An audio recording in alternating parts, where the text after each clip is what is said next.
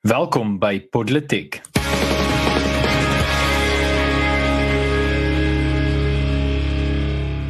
Goeiemiddag, ek is Erns van Sail en saam met my in die ateljee is Paul Marits en in vandag se episode EFF hofsaak gaan in Pofu kraak en Joe Rogan se vryheid van spraak.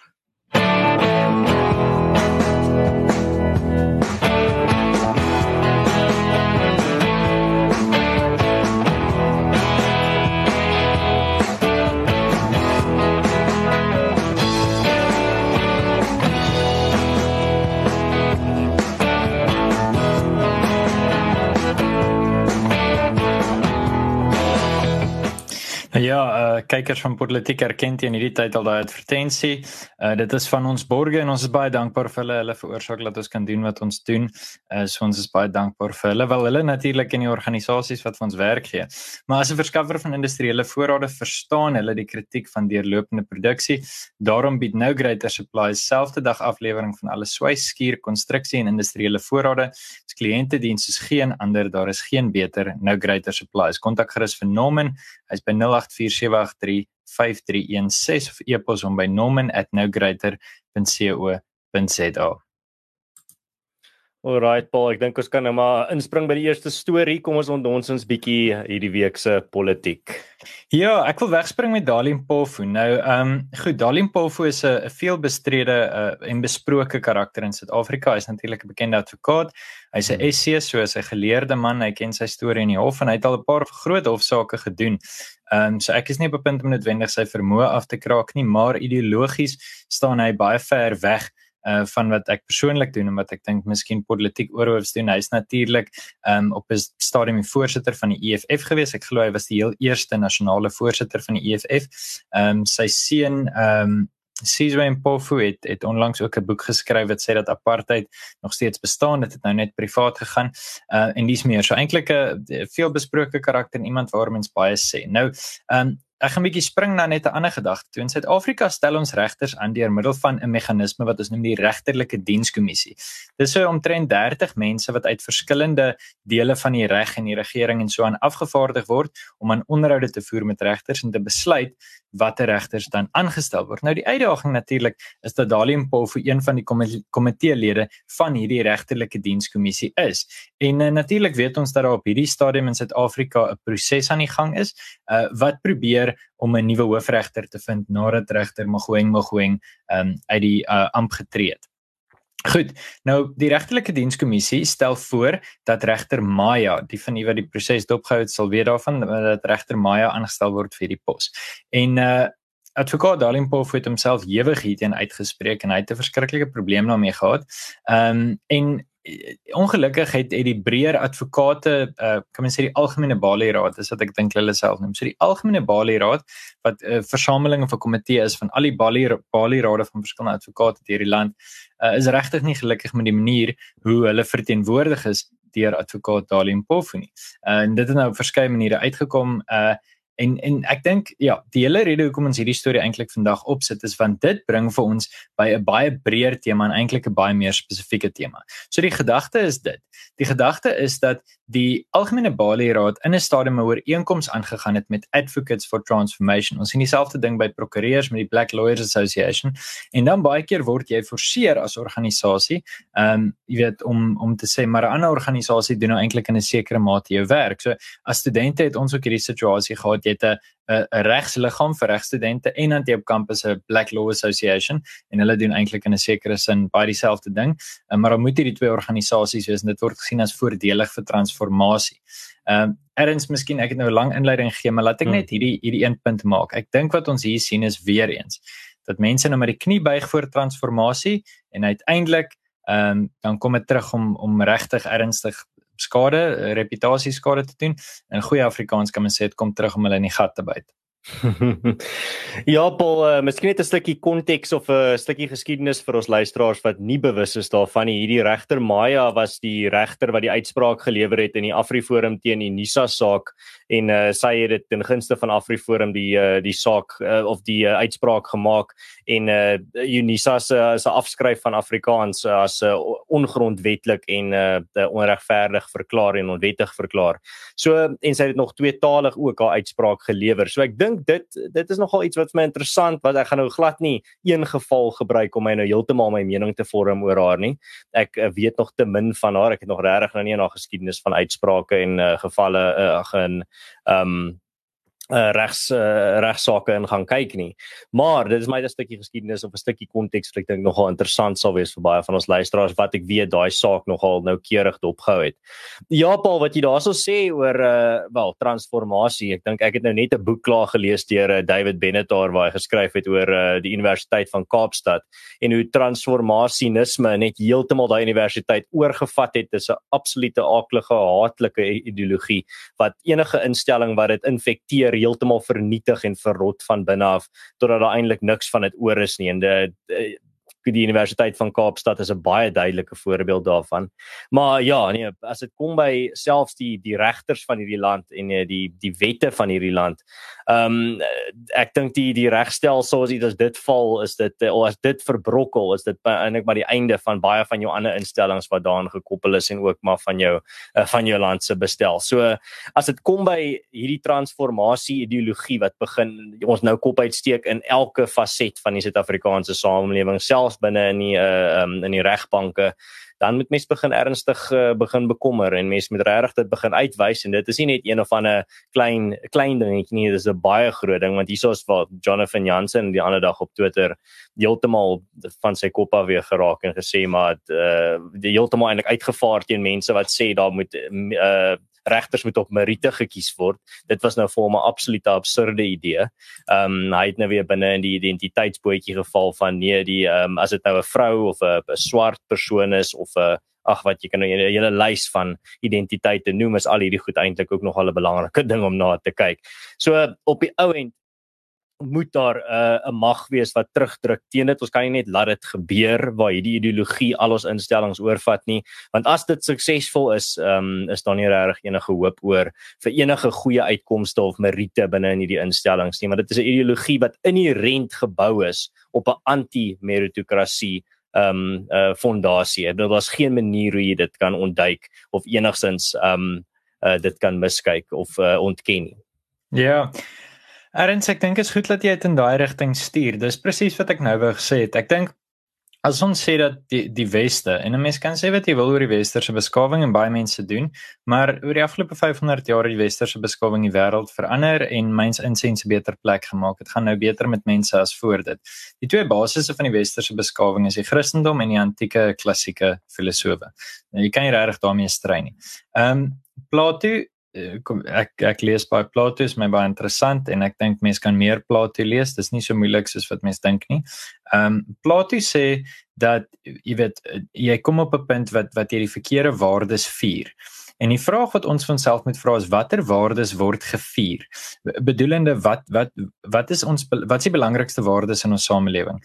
As die belangrikste waarde meriete en vermoë is en geleerdheid is. Jy weet ek ek dink aan iemand soos Edmund Burke en enigiemand wat politiek kyk weet ek al seker elke derde episode vir Edmund Burke aan.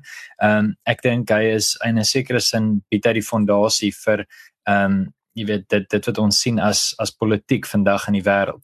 Hy hy sê goed wat net absoluut sin maak. Nou hy sal ietsie sê soos natuurlik moet daar vermoë wees vir enigiemand uit enige stasie om in regering in te kom, verseker. Ehm um, en sy sy vermoë en sy meriete moet uitstaan.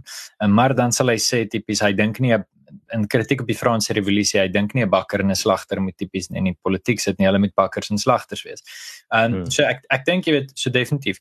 Ehm um, ek die punt van meriete en die punt dat daai mees intelligente persone bo moet uitkom dis 'n feit. En dis nie te sê dat regter Maya nie die beste is nie, weet vir vir alles wat ons weet is sy. Die die die punt is nie dit nie. Die punt is dat daar vra in die eerste plek in Suid-Afrika in hierdie stadium is vir wat is die waarde wat gevier moet word? Wat is dit wat die belangrikste is? En ek kan vir jou eerlik sê Ben Shapiro het 'n goeie aanhaling wat ons gereeld aanhaal wat hy sê as as iemand vir hom 'n hartoorplanting gee, gee hy glad nie om uh, wat sy ras daai persoon is nie, solank dit die heel beste persoon is en ek voel dieselfde oor 'n hoofregter. As hierdie persoon gaan besluit watter regters gaan sit in konstitusionele hofsaake. As hierdie persoon self uitsprake gaan skryf wat hierdie land gaan vorm vir die volgende 10 of 15 jaar, dan wil ek weet dis die beste persoon vir die beroep. Ek gee regtig nie om oor daai persoon se geslag of daai persoon se ras nie behalwe as dit konstante probleem gaan wees. In daai geval, goed, kom ons sê dan vir mekaar, ons, jy weet, dit dit moet dan belangrik wees. Maar dan moet ons as dit ons redenasie is met ons verskillende geslagregters vir allerlei verskillende groepe kies, dit sal nie sin maak nie. Eenvoudig, wat soek ons hier? Ons soek 'n hoofregter.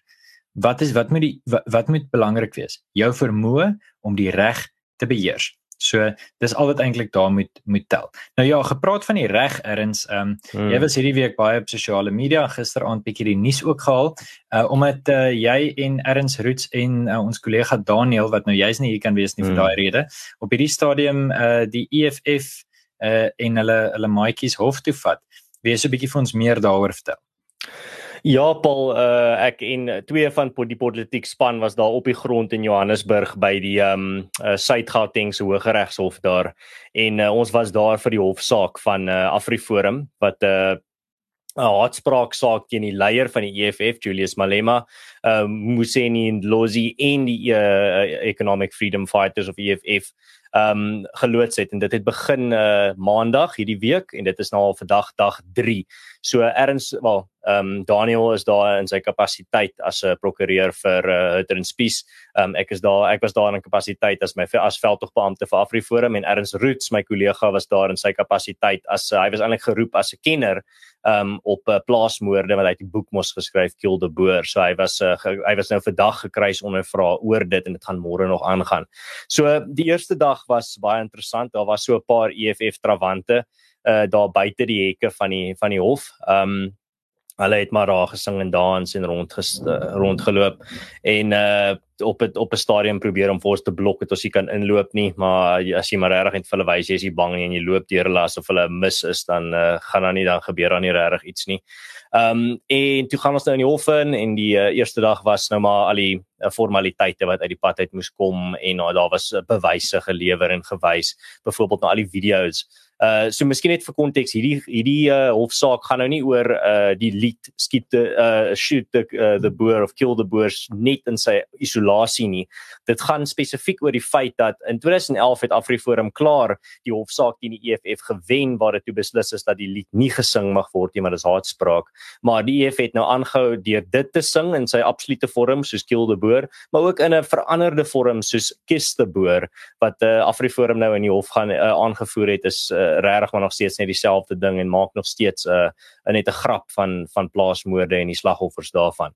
So uh, dit is waaroor hierdie hofsaak gaan is om nou vir uh, die EFF vas te vat oor die feit dat hulle nie by die hofbeslissing van 2011 bly nie. En uh, Afriforum vra vir uh, 'n ewige uh, boete om betaal te word en dan ook 'n 'n publieke um verskoning. Nou daai boetes gaan altyd baie lekker in Afriforum se sak in wat uh, dit was dan gebruik om uh, vir al ons veldtogte en om eintlik mense se lewens beter te maak iets wat die EFF glad nie doen nie. Um so miskien net 'n laaste bietjie konteks vir jy um jou gedagtes kan deel Paul. So toe tweede dag was toe gister, dit was toe voor vandag was dit die uh mees opwindende dag. Um dit was uh ons was toe gister, ag ja, dit was gister en toe ons nou uitloop uit die hof uit, toe is die EFF ondersteuners nog steeds daar buite en toe uh, blok hulle ons dat hulle ons nie kan uitkom nie. En uh, terwyl ons toe daar uitloop, toe is hulle bees toe sin begin hulle sing kill the boer, kill the farmer baie duidelik, nie kies the boer nie, kill the boer. En uh, gelukkig uh, het uh, een van my kollegas dit op sy foon afgeneem. Uh, of nie een van my kollegas nie, een van Daniel se kollegas. Um En wat toe gebeur het is ehm um, daai video is toe vandag in die hof gewys as verdere bewyse van die EFF wat ehm um, hierdie lied aanhou sing. So hulle het hulle self lelik in die voet daar geskiet reken ek en uh, vandag se hofverrigtinge was nou die mees opwindende opwindendste van almal. Uh, so ek was die eerste 2 dae daar en toe vandag het my kollega Jacques Broodryk saamgegaan want ek moes nou weer werk opvang wat ek die afgelope 2 dae gemis het. So uh, maar vandag was dit die opwindendste dag die dag soos wat uh, die lot het nou wil hê as ek toe nie daar nie. Ehm um, vandag was Erns Roots gekruis ondervra. Ek dink hy het baie goed gedoen. Ehm um, maar toe uh die bewyse nou ook gewys is. Toe staan nou 'n uh, klomp om uh, omstredenheid rondom die feit dat uh, Ernst Roots het 'n foto binne in die hof geneem. Lang storie rondom dit. Toe staan nou eers uh wil hulle nou eers kyk of hy nou minagting van die hof gepleeg het. Toe die meeste van die oggend opgevat en toe later vandag het uh, die ehm um, die EFF se regsverteenwoordiger toe vir Ernst begin onderkruis ondervra oor sy boek en dit is nou waar ons toe aan die einde van die dag staan. Hy's nog nie klaar daarmee nie. Môre gaan ons nou aangaan en uh volgende week maandag is uh Julius self in die hof. So dit gaan nou nog 'n groot dag wees en as mense enigsins wil inskakel om hierdie hofverrigtinge self te aanskou, is dit baie maklik. Jy kan maar net na AfriForum se YouTube kanaal toe gaan. Ons is, elke dag is dit regstreeks word die hofverrigtinge uitgesaai daarso. Maar ja, ek het nou genoeg oor genoeg konteks gegee, Paul. Jy kan maar absoluut nou jou beurt vat om jou gedagtes met ons te deel. Dankie Erns. Ehm um, sjoe, ja, dis dis 'n mondvol ek ek dink goed ons mekaar eerlik wees natuurlik oor 'n klomp goeders. Ehm um, heel eerste en wat wat ek dink van kardinale belang in die hele storie is is om ook te noem dat die menseregte kommissie in 'n sekere sin skuldig staan hierso. Van die menseregte kommissie was dies wat dit probeer regverdig het en vir ons wat 2, 3 jaar terug gesê het nee nee. Ehm um, verstaan dit binne konteks, hierdie is net 'n uitdrukking van pyn. Jy weet en hulle het amper op daai bootjie geklim om te sê dat uh dit moenie gesien word as haat of rasisme nie dit moet binne 'n bepaalde hmm. konteks gesien word wat ek dink baie gevaarlik is en nou pluk ons die vrugte daarvan. Um, uiteindelik is dit amper vir 'n mens jy weet jy kan jy moet jouself amper knyp om te besef hierdie is die realiteit dat in die 21ste eeu in die tyd van kameras en sosiale media sal mense hardop skree kill the boer en dis fyn en dit gebeur net en daar's nie hierdie groot massiewe publieke uitskreeu nie. Um, jy weet goed die hmm. Engels is uproar. Ek probeer soek vir 'n Afrikaans sê waar met 'n 'n opwelling hmm. kom. Dat mense sê maar dit kan nie. Ek dink die realiteit is dat 'n klomp eerste wêreldse lande hierdie goed sit en dophou en dat hulle vir hulle self sê jy weet hoe hoe stap ons op pad met hierdie land? Want hoe is hierdie land op pad? Ehm um, ek dink natuurlik vir jou en jou kollegas geluk, dit is baie belangrik dat hierdie tipe sake gevoer word. Wat die ideale uitkoms sal wees is dat hierdie lied uh wel ten eerste dat die EFF die saak sal verloor. Ehm um, maar verder is dat die as dit dat die EFF 'n behoorlike boete moet betaal. Ongelukkig hmm. gaan die EFF nie uit uit vrye wil ophou nie. Ek is vas oortuig dat in hulle eie kringe sal hulle nog steeds die lied sing. Ehm um, dit maar ten minste kan mens dit dan verban uit die openbare uh uit die openbare domein. Daar is die vraag oor vryheid van spraak, jy weet, ehm um, wanneer wat is die grense van vryheid van spraak? Nou vir my is dit redelik spesifiek en daaroor het ek al gepraat. Daar is nie iets soos absolute vryheid van spraak nie. Die oomblik wat jy geweld of skade vir enigiemand anders uh, aanhits, hmm. Dan stop jou vryheid van spraak. En dit is 'n algemene beginsel, jy weet. Ehm um, weer eens Edmund Burke wat vir jou sal sê in binne in die algemene weste wat ons sien, die oomblik wat jy op iemand anders se regte trap, uh dan is jy besig om te oortree. So uh mens moenie die vryheid van spraak argument bring nie. Die dames wat vandag in die hof begin skree, ek dink hulle was van uh Azapo of van die PAC of iets is dit hmm. wat gesê die lied is deel van hulle erfenis. Dis 'n klomp nonsens. Ehm um, hmm. jy weet vir my om in Sorry Marita sing oor die kakies is een ding, maar om te sê maak die kakies dood is iets heeltemal anders. Hmm. Jy moet die konteks verstaan. Daar's 'n massiewe verskil om te sê ons het op 'n stadium 'n stryd gestry en nou is dit verby en ons onthou dit en ons mense het het manhaftig beklei. Dis een ding. Om te sê maak hierdie mense dood is iets heeltemal anders. Ehm um, hmm ek ek ja, so net ek dink dit gaan baie opgewonde op baie winnend wees om te sien wat gebeur met Ernst se kruisondervraging verder, maar ek dink natuurlik Julius Malema in die hof en hy gaan natuurlik duisende ondersteuners hê. So dit gaan 'n interessante gesig wees om te sien en uh, hy sal dit natuurlik uh, my voorspelling is hy gaan sit en dit regverdig en so hoekom die lied mag gesing mag word. Ehm um, maar ja, uh, interessante tye wat vir ons voorlê in hierdie hmm. komende week. Ja, nee Paul, uh, absoluut. As dit kom by uh, Maandag gaan die groot dag wees, maar môre dinge gaan ook 'n baie interessante dag in die hof wees. Soos wat ek uitgelaat het wat ook vandag gebeur het in die hof, was uh toes een van die EFF ondersteuners wat daar buite was wat Kiel de Boer gesing het. Um word toe ingeroep as 'n ooggetuie om gekruis ondervra te word omdat hierdie voorval gister nou deel van die hofsaak geraak het. Um want hulle sing die lied self waaroor die hofsaak gaan. Nou ek weet nie wie hierdie persoon is nie, maar uh advokaat Oppenheimer maak Oppenheimer het hom heeltemal te flenters geskeur volgens my opinie. Um hy het onder eet het hy gesê dat uh, hy hy kan nie onthou dat enigiemand gesing het Kill the Boer nie, maar die video wat hulle gewys het voor die hof daai dag dink jy enigiemand wat dit gehoor het het gedink jy so daai staal kill ag kiss the boer wat hulle daar sing is baie duidelik kill the boer so hy het net absoluut voor die voor die hof gelieg onder eed um, en hy het ook paar hy het een snaakse ding gesê waar hy gesê het Erns Roots het vir hom 'n rascal genoem. Nou ek moet sê, ek dink nie daar's een persoon wat deur 'n werknemer by AfriForum is wat al in hulle lewe die woord rascal in enige konteks gebruik het nie. So dit was 'n baie vreemde leen om te vertel. Ehm um, maar ja, dit was nou die van die meer ehm um, uh lekker soos in, net snaakse goed om te sien vandag, maar dit is tog uh, 'n baie ernstige en belangrike saak. So ek maak sal mense op hoogte hou, maar ek sal mense definitief aanraai skakel môre van 10:00 af weer in op die AfriForum YouTube kanaal as jy kan um vir die res van die hofverrigtinge. Dit is regtig interessant. Um en uh, ja jy kan gister maandag en vandag se hulpverrigtinge weer gaan kyk. Die die hele opname is nog steeds op AfriForum se se YouTube kanaal. So gaan jy kan deur alles gaan kyk. Daar so alles is daar. Is regtig die moeite werd dink ek as dit goed vir jou geïnter vir jou interesseer. Nou Paul gepraat van vryheid van spraak. Uh, ons het nou nog wel uh, iemand aan die ander kant van die groot souterige dam.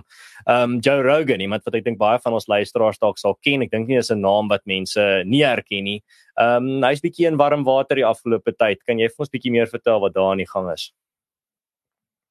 Ja, nee, okay, goed. Uh ek dink vir enigiemand wat sosiale media het, jy sal Joe Rogan se gesig gesig se gesig baie gesien het in die afgelope paar weke.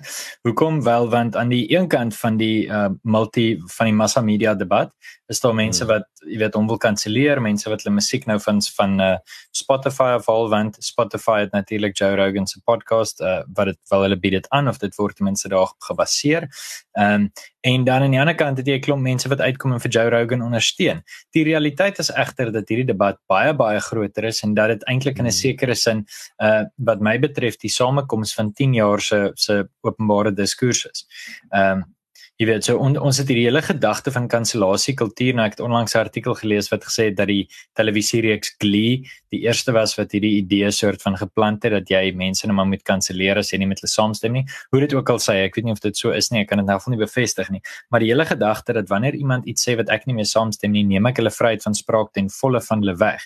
Ehm um, jy weet op die oppervlak kom dit voor asof dit die argument is van wat ons nou maar sal sê die sentrum linkerkant op hierdie stadium is. Natuurlik op die ver linkerkant het jy geen vryheid van spraak nie, vra vir enigiemand wat al in China was, maar ehm um, op die sentrum linkerkant voel hulle daar is tye jy weet jy's 'n sterk regering, jy's amper sosiaal-demokraties en as Hillary Clinton besluit sy wil jou nou stil maak, moet sy die mag hê om dit te kan doen. Ehm um, of Barack Obama wie ook al, jy weet die die persoon is wat jy in daai opsig sien as as jou leier. OK. Hoekom sê ek dit is die die kulminasie van 'n klomp groter gesprekke? Wel, die die eerste ding is dit is baie duidelik dat daar groot maatskappye sit agter die poging om Joe Rogan stil te maak.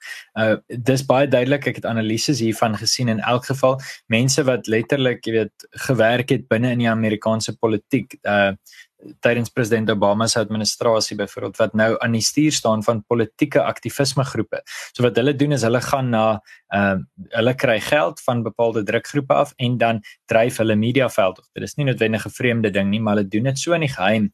Dis amper die Bell Pottinger tipe idee. So dit sien ons definitief. Ons sien dat groot bekende mense presies dieselfde woorde tweet oor Joe Rogan en dit beteken vir ons dat daar 'n sentrale bron vir dit moet wees. Wat verder as dit kommerwekkend is, is die feit dat daar definitief 'n oorhoofse narratief is en dat daar duidelik ja. sameswerings is teen hierdie gedagte van Joe Rogan wat op 'n sekere manier moet praat. Nou, kom ek maak dit baie duidelik. Ek is nie iemand wat in jy weet in baie opsigte stem ek nie saam met Joe Rogan nie. Ek dink hy verromantiseer dwelm gebruik. Um, ek dink hy verromantiseer die gebruik van groeihormone. Ek dink hy jy weet sy taalgebruik is glad nie met my aanstaan nie. Maar ek dink Joe Rogan is iemand wat vryheid van spraak, hy's absoluut 'n kampioen van vryheid van spraak. Hy sê wat hy lus is, wanneer hy lus is en nou en dan gaan hy oor die lyn en dan sal hy van tyd tot tyd jammer sê as hy dink is regverdig, as hy soms stem hy was verkeerd. Ehm um, maar ek dink die die hele punt is en Erns Roots het dit self al gesê, ek en jy het dit al gesê, net omdat jy nie met iemand saamstem nie, beteken nie dat jy hulle kan stil maak nie. Ehm um, as ek as ek 'n laaste punt hieroor kan kan gee want ek kan hmm. dink jy het, jy het ook baie ehm um, baie om om om hieroor te sê. Maar laat laat ek dit sê. Ek dink die uiteinde is dit, waarheen gaan ons wanneer daar nie meer vryheid van spraak is nie. Onthou, die oomblik wat wat die media en die sosiale media nie meer vir die mense daar buite volle en korrekte en effektiewe inligting mag gee en kan gee nie. Waar baseer jy jou stem? Uh, jy baseer jou stem op verkeerde inligting, of op die inligting wat die staatsmedia se SABC vir jou gee of wat die hoofstroom media vir jou gee, soos 'n tipiese netwerk 24 of 'n Sunday Times of vehicle. En hulle almal het agendas. Hulle almal eet een keer 'n maand ontbyt saam met die president by een of ander fancy, jy weet, Santon Hotel dit is nie die mense wat jy wil hê vir jou moet besluit nie. So dit is belangrik dat daar vryheid van spraak is. Dit is belangrik dat ons by politiek kan sê wat ons voel en as jy nie daarvan hou nie, goed, natuurlik, daar's sekere wette, daaroor het ons nou reeds gepraat, maar as ons, jy weet, binne die perke van wat reg en normaal en goed is, sê wat ons voel, as jy nie saamstem nie, sit dit af, moet dit kyk nie. Maar hmm. dit beteken nie jy het die reg om my stil te maak nie. En dis waar waaroor die hele Joe Rogan storie vir my gaan. En dis my duidelik Spotify se um, Spotify se hoof Daniel Ek het nou gesê hy gaan, jy weet, hy stem nie saam met baie gedoen Joe Rogan gedoen nie. Hy het nou 'n paar episode verwyder wat vir my sleg is. Hmm. En Joe Rogan het jammer gesê, maar hy gaan bly op Spotify. Wat ek dink 'n stap in die regte rigting is. Hmm. Ja Paul, daar was nou uh ja, sien die die nuus siklus beweeg so vinnig en uh, bewys daarvan is die feit dat daar was nou twee omstredenhede rondom uh Joe uh, hierdie week of die afgelope 2 weke. Die eerste ene was die feit dat 'n uh, klomp uh, musiekkunstenaars het gedreig om uh, hulle musiek van Spotify af te haal as uh, Spotify nie vir Joe Rogan afval nie. Nou Spotify het by Joe Rogan gebly staan en en toe op die ou end die van die musiekkunstenaars wat ek nog nie eens van gehoor het regtig meeste van hulle se musiek toe op die ou end verwyder. Nou dit was nou die eerste omstredenheid en die media het glad die analiste en kommentariat het glad nie van die feit gehou dat uh, die musiekkunstenaars het nou verloor in hulle stryd om vir Joe stil te maak nie. Ehm um, so toe heel toevallig 'n week later, ehm um, kom daar 'n video op die internet van Joe wat die uh, die N-woord sê in Amerika, maar soos honderde kere, maar alles buite konteks. Dit is in kontekste waar hy byvoorbeeld iemand aanhaal of in 'n konteks waar hy 'n liedjie se lirieke aanhaal of in 'n konteks waar hy net oor die woord self praat, maar soos regtig nie binne 'n rassistiese konteks nie. Maar hierdie video het toe soos ek weet nie hoeveel 30 of 20 gevalle, maar uit oor 'n tyd oor 'n tydperk van soos 1800 episodes. So hier kom die bietjie meer ek wil amper sê uh die die implikasie wat my pla. En dit is die feit dat daar het iemand gegaan of 'n span mense het gegaan en deur 1800 episodes gaan luister. Episodes wat 3 tot 4 ure lank is. En hulle het voorbeelde gaan vind van hom wat hierdie woord sê ek ek wil miskien net vir ons uh vir ons luisteraars verbeel net gou jouself oor 'n amper 2000 episodes in 'n formaat wat tussen 2 tot 4 ure lank is. Daar 'n span of 'n individu, ons weet nou nie, moes deur al daai episodes binne die tydperk van 'n week gegaan het en 20 of 30 voorbeelde van hierdie woord gevind het in daardie duisende episodes dit is skrikwekkend. Dit is 'n dit is 'n abs dit is nie iets wat een of ander universiteitsstudent in sy aftyd gaan doen terwyl hy verveeld is nie. Dit is nie iets wat 'n ou doen terwyl hy uh die skool terwyl hy besig is om iets anders te multitask of iets anders aan die kant te doen nie. Dis iets wat iemand doen wat iemand anders wil vernietig of iemand wat 10 teen 1 baie goed betaal word om dit te doen. En dit het toe heel toevallig nou na Joe sy groot oorwinning gehad het 'n week later toe kom hierdie video nou uit en dit is toe op die ou end waarvoor Joe jammer gesê het en ehm um, dit is toe wat toe ook gelei het dat uh, ek dink oor 100 van sy episode toe verwyder word van Spotify af maar hy het uh, hy moes toestemming gegee het vir dit maar hy het ook 'n kontrak en ons weet nie wat in daai kontrak staan nie.